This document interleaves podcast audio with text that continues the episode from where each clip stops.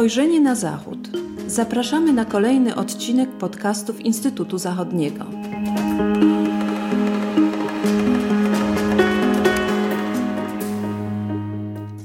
Dzień dobry, z tej strony Tomasz Morozowski. Witam Państwa w kolejnym odcinku podcastów Instytutu Zachodniego.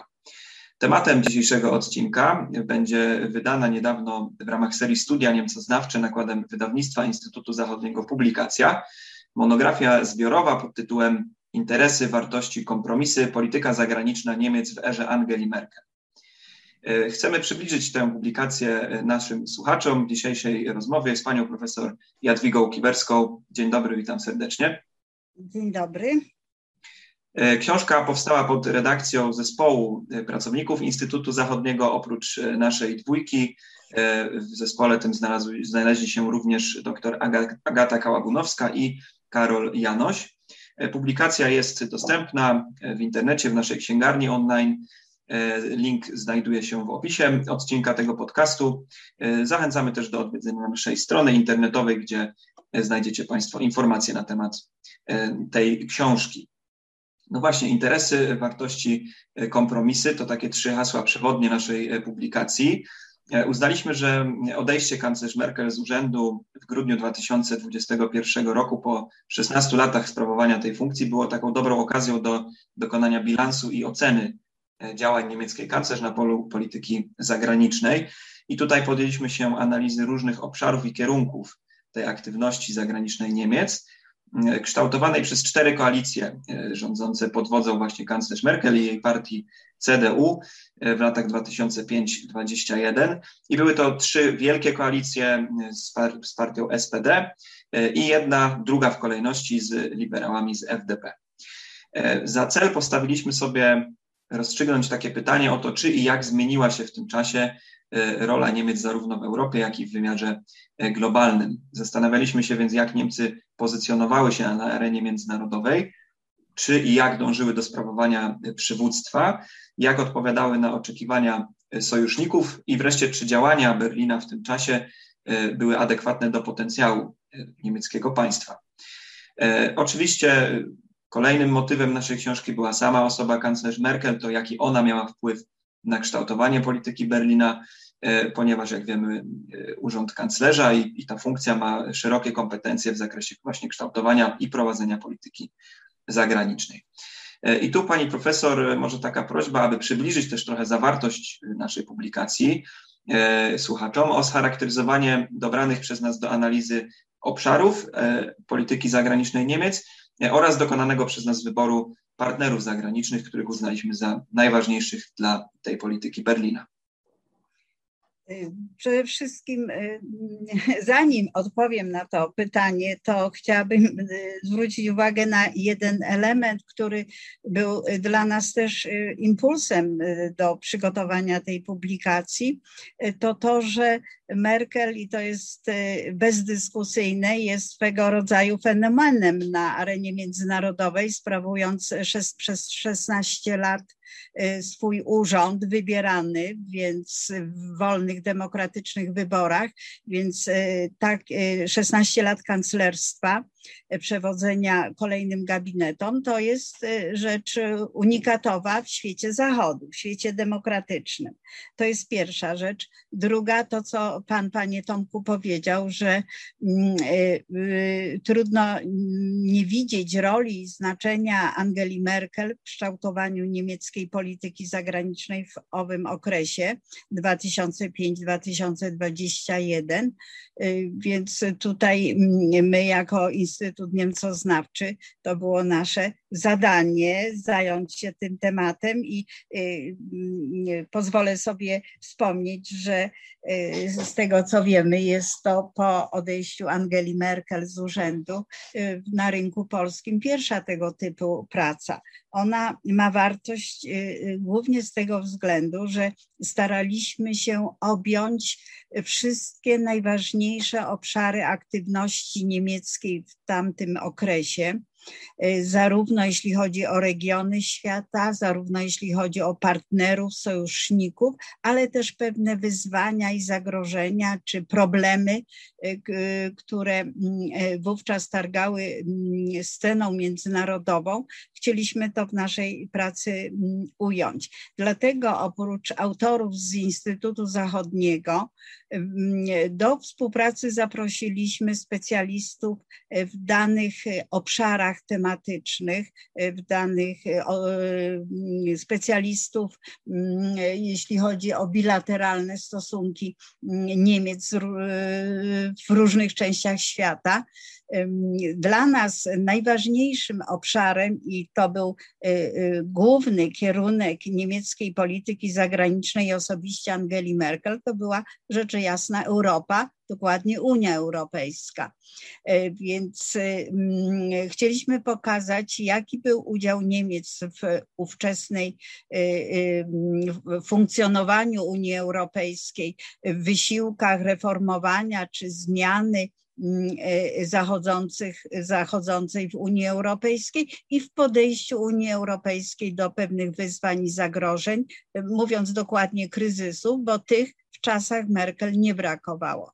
I autorem tej części odnoszącej się do Unii Europejskiej, do niemieckiej polityki unijnej jest profesor Janusz Wenz z Uniwersytetu Jagiellońskiego, uznany specjalista, badacz tej, tych zagadnień. Drugim takim kierunkiem e, niemieckiej polityki, utrzymany silny azymut atlantycki, ja pozwoliłam sobie e, ten obszar omówić. Jeśli chodzi o tę globalną też politykę czy zaangażowanie na arenie międzynarodowej, to uznaliśmy, że Organizacja Narodów Zjednoczonych i aktywność Niemiec właśnie na forum ONZ, chociażby dlatego, że w tym czasie Niemcy też były niestałym członkiem Rady Bezpieczeństwa.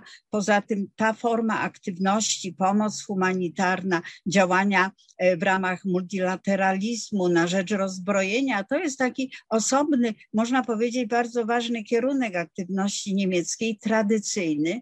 E, tutaj może na tym polu sama aktywność Angeli Merkel była mniejsza, ale Niemcy e, są zauważalni. I ten obszar omówiła nasza koleżanka z Instytutu Zachodniego, mm, doktor Joanna e, mm, Dobosz-Dobrowolska. E, kolejną ważną płaszczyzną aktywności niemieckiej to są też pewne Y, nazwałabym to polityki w ramach Unii Europejskiej, y, czyli kwestia bezpieczeństwa i obrony, wspólnej polityki bezpieczeństwa i obrony, bo tutaj zaangażowanie Niemiec było różne, ale jednak to była bardzo ważna sfera aktywności Unii czy prób budowania przez Unię Europejską tej tak zwanej swojej autonomii e, strategicznej. I to omówił nasz kolega z Instytutu, e, pan Karol Janoś. Mm, kolejny problem niezwykle ważny, jeden z priorytetów dla dzisiejszego świata w skali globalnej to jest kwestia energetyczna i walki z ociepleniem klimatu. I tutaj udało nam się pozyskać autorkę z Krakowa, panią profesor Beatę Molo Y, kolejną grupą y, y, tematyczną to są kwestie stosunków bilateralnych Niemiec z najbliższymi partnerami, z najbliższymi sąsiadami oraz ważnymi, ważnymi graczami globalnymi.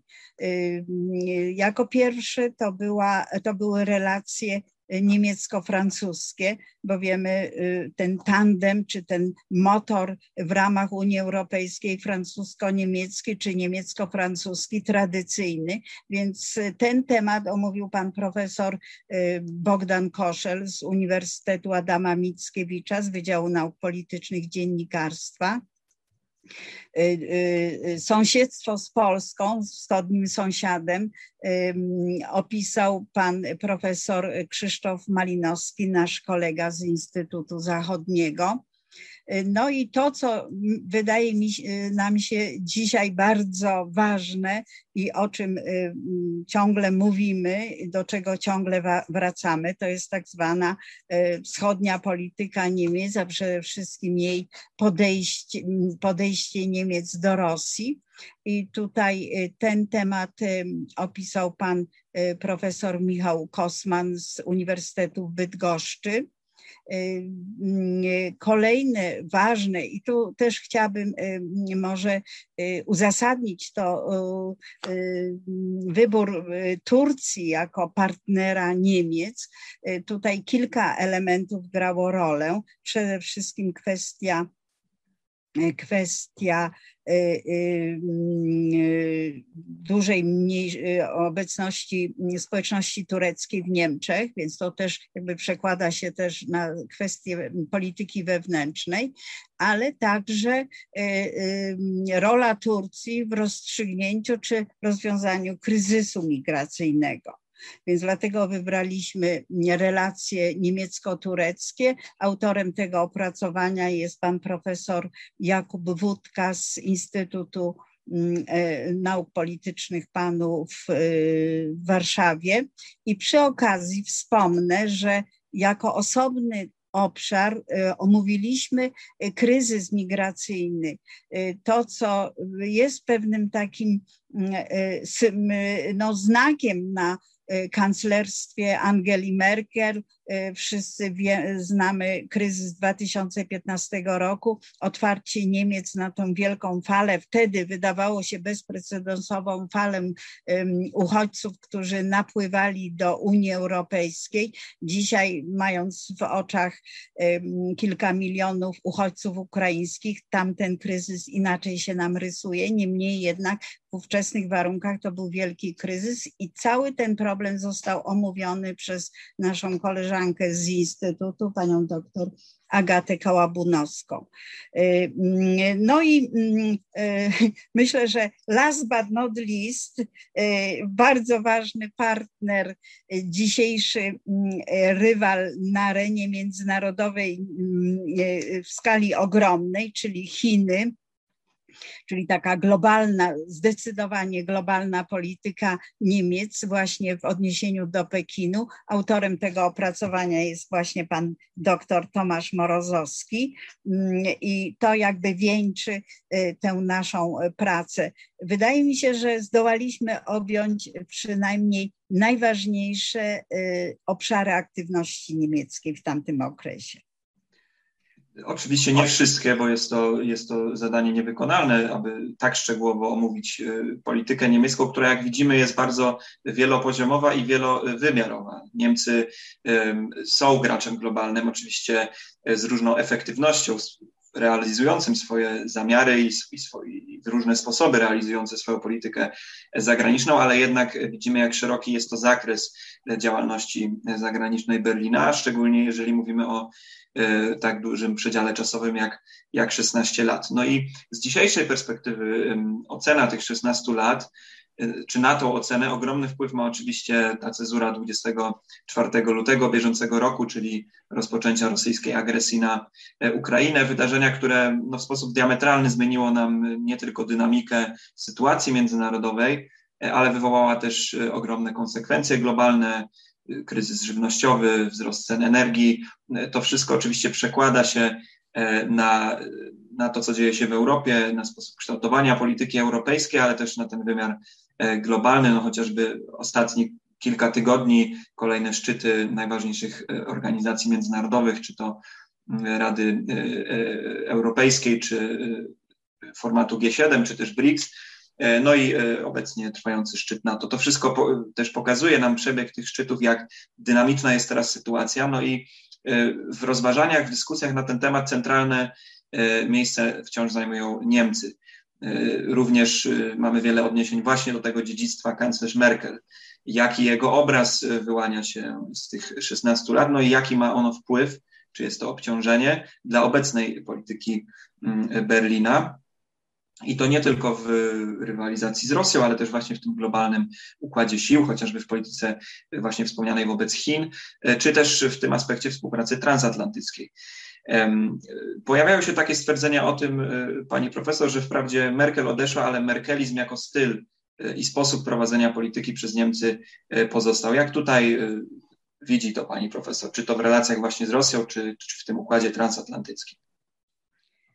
Ja myślę, że dzisiaj ze względu na wojnę w Ukrainie, ze względu na agresję rosyjską na Ukrainę, mm, zbyt mm, cały dorobek Merkel, jej dziedzictwo czy jej sukcesy, porażki właściwie mm, są zdominowane tą oceną Y, polityki Niemiec wobec Rosji, która mm, y, ma długą tradycję po okresie, y, po, w okresie po II wojnie światowej, mm, więc dzisiaj bardzo łatwo mm, krytykować i, i ta krytyka w dużej mierze jest uzasadniona tego zbytniego stawiania na dialog z Rosją, uważania Rosji za partnera strategicznego. I to jakby przykrywa trochę inny Y, niewątpliwe osiągnięcia Angeli Merkel i pewne dziedzictwo czy spuścizna, która y, pozostała, ale y,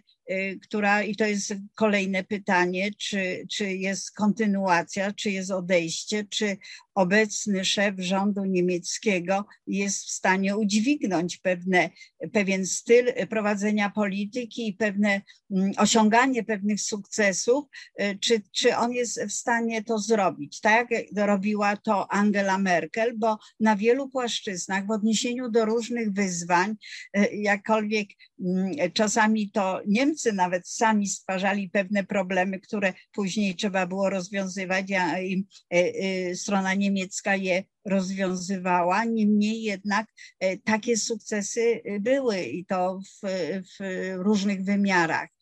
E, więc to jest jakby jedna uwaga, że na pewno Merkel pozostawiła Niemcy na arenie międzynarodowej jako bardzo ważnego gracza. E, e, one, e, ta rola i znaczenie Niemiec w relacjach międzynarodowych, w podejściu do różnych problemów, zwłaszcza w Unii Europejskiej, na pewno ta rola i znaczenie było bardzo, były bardzo wysokie. I to jest jak coś, co, co Merkel zostawiła. Dzisiaj obserwując działania Olafa Scholza, który nie ma takiego rysu lidera, przywódcy dynamicznego, zdecydowanego. Zresztą Merkel taka nie była, ale jednak ona sobie przez te lata wytworzyła mm, taką y, y, y, markę wiarygodnego przywódcy, zdecydowanego w niektórych sprawach, umiejącego drogą negocjacji rozwiązywać problemy. Patrząc na Olafa Scholza, jego taką dość labilną postawę wobec chociażby Ukrainy, gdzie od początku nie było takiego zdecydowanego postawienia sprawy, to się e, to ewoluowało, ale właściwie do końca nie wiemy, e, e, czy, czy w którym, jaki, jaką skalę ta ewolucja przybierze.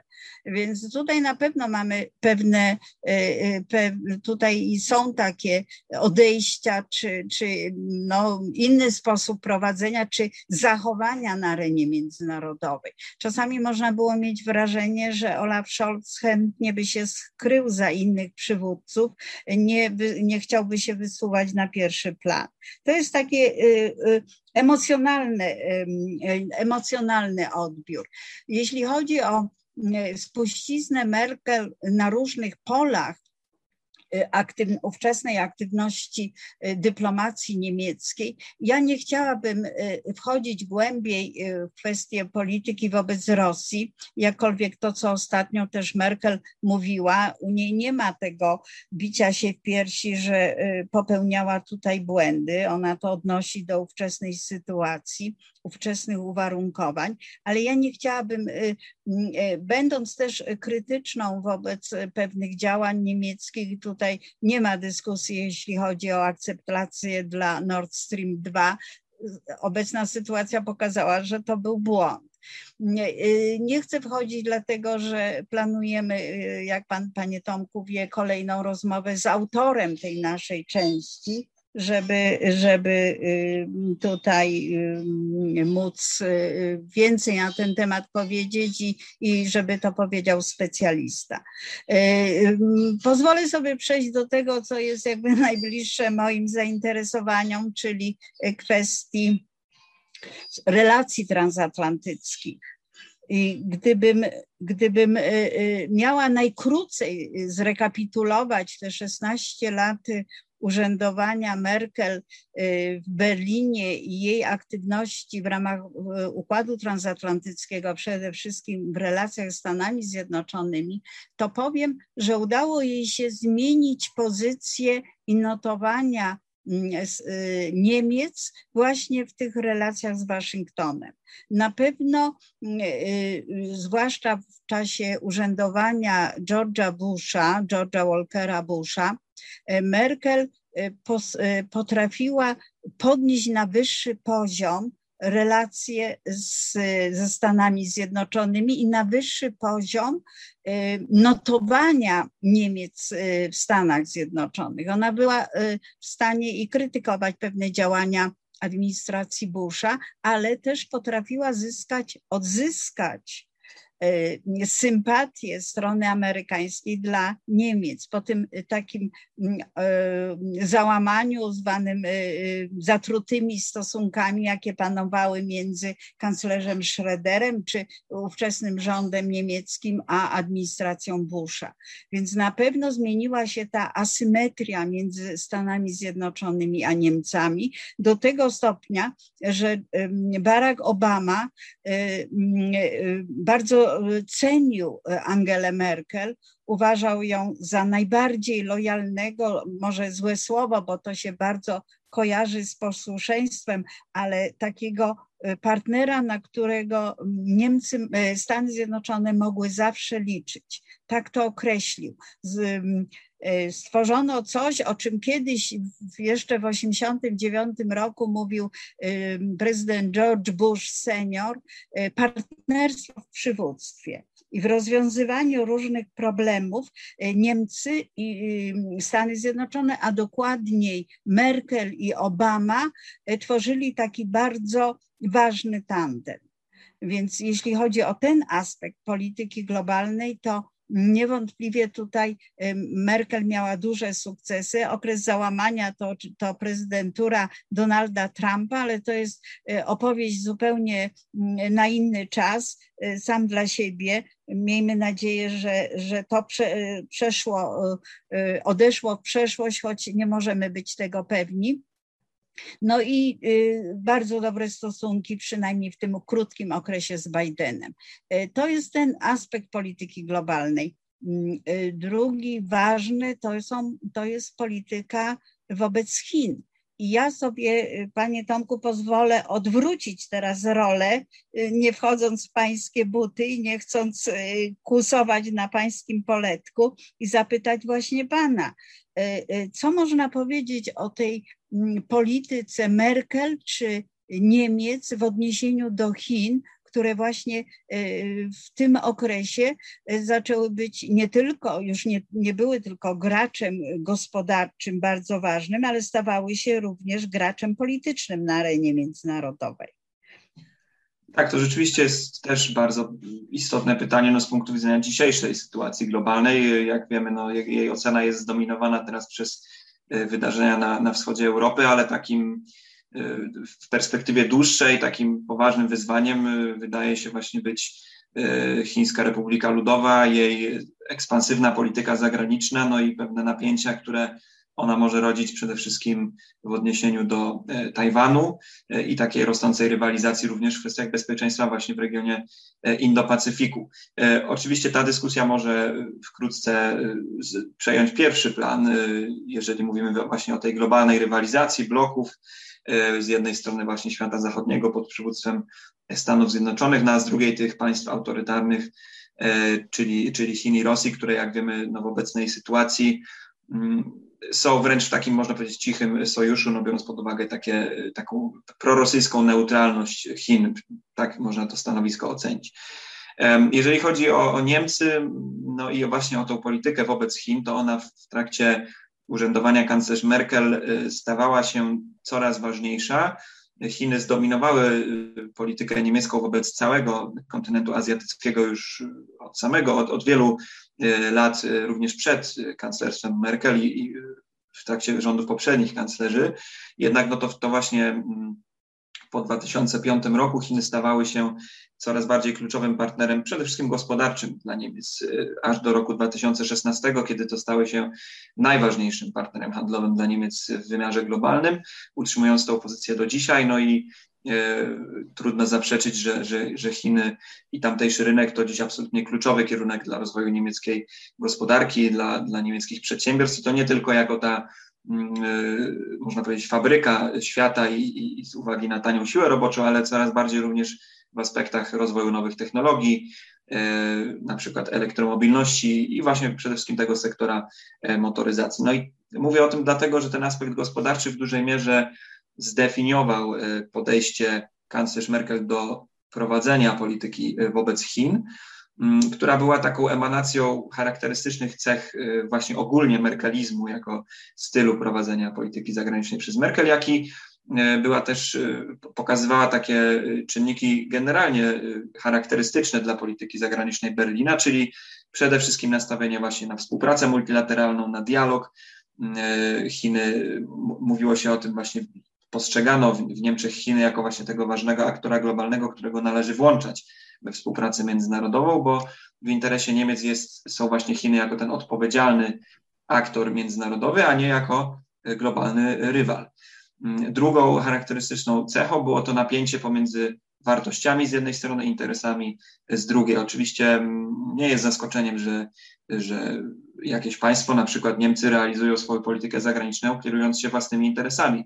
Jednak w sytuacji, kiedy mamy do czynienia z coraz bardziej autorytarnym globalnym mocarstwem naruszającym chociażby prawa człowieka czy reguły współpracy międzynarodowej, no to w przypadku Niemiec, które same pozycjonują się jako taki y, obrońca czy adwokat tych wartości w polityce zagranicznej, no staje się to problemem, jeżeli to właśnie interesy spychają niejako te y, aspekty światopoglądowe na drugi plan. A tak w przypadku polityki kanclerz Merkel wobec Pekinu było właściwie przez cały jej okres urzędowania. Z obecnej, z dzisiejszej perspektywy myślę, że można powiedzieć, że Merkel y, była takim ostatnim bastionem w Niemczech takiego podejścia. Obecnie y, no, są już od właściwie kilku lat y, dostrzegamy takie tendencje wyraźnie głębokich zmian w postrzeganiu Chin, nie tylko w Niemczech, w całej Unii Europejskiej, bardziej właśnie w kierunku tej systemowej rywalizacji. Tak, tu mamy tą dyskusję, czy Chiny to wciąż strategiczny partner, czy już systemowy rywal. I wydaje mi się, że mm, no, obecna y, koalicja rządząca w Niemczech y, zdecydowanie dąży w kierunku właśnie tych zmian, tej bardziej realistycznej y, polityki wobec Chin, wyznaczającej jaśniejsze granice czy pewne czerwone linie, jeżeli chodzi właśnie na przykład o prawa człowieka czy politykę tą taką agresywną politykę chińską w wymiarze zagranicznym, no i y, postuluje, postulują najważniejsi politycy tej koalicji, szczególnie z Partii Zielonych, odejście od tego, jak mówią, naiwnego modelu y, zmiany przez handel, durch Handel, tak, czy zmiany przez zbliżenie z Chinami, czyli właśnie tego modelu y, podtrzymywanego konsekwentnie przez kanclerz Merkel. Stąd, kiedy ona kończyła swoje urzędowanie, no to w niemieckiej opinii publicznej mówiło się wręcz o końcu chińskiej iluzji, czy końcu chińskiej naiwności rządów Niemiec pod, pod kierownictwem Merkel. E, więc podsumowując, myślę, że tutaj mamy wyraźnie do czynienia z takim odcięciem, to może mocne słowo, ale z takim odejściem od, od tego modelu Merkel przyjętego przez nią w relacjach z Pekinem, co oczywiście jest niejako narzucone przez rozwój sytuacji międzynarodowej, no i polityki samych Chin, do którego Niemcy muszą się zaadaptować i jednocześnie musi też adaptować się Unia Europejska.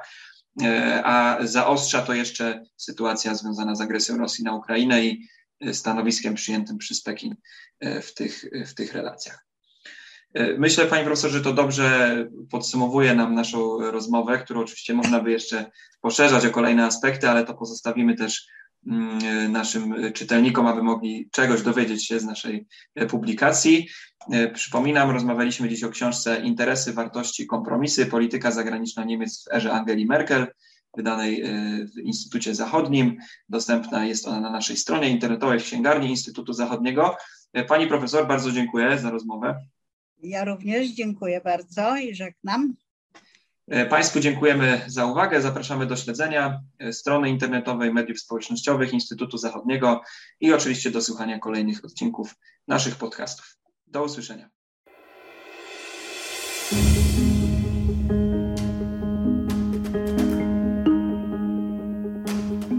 Spojrzenie na Zachód. Podcasty Instytutu Zachodniego. Podcasty Instytutu Zachodniego dostępne są na platformach Spotify, SoundCloud i Apple Podcasts oraz na portalu YouTube. Zapraszamy do subskrypcji. Dzięki niej będą Państwo na bieżąco z wszystkimi naszymi nagraniami. Do usłyszenia.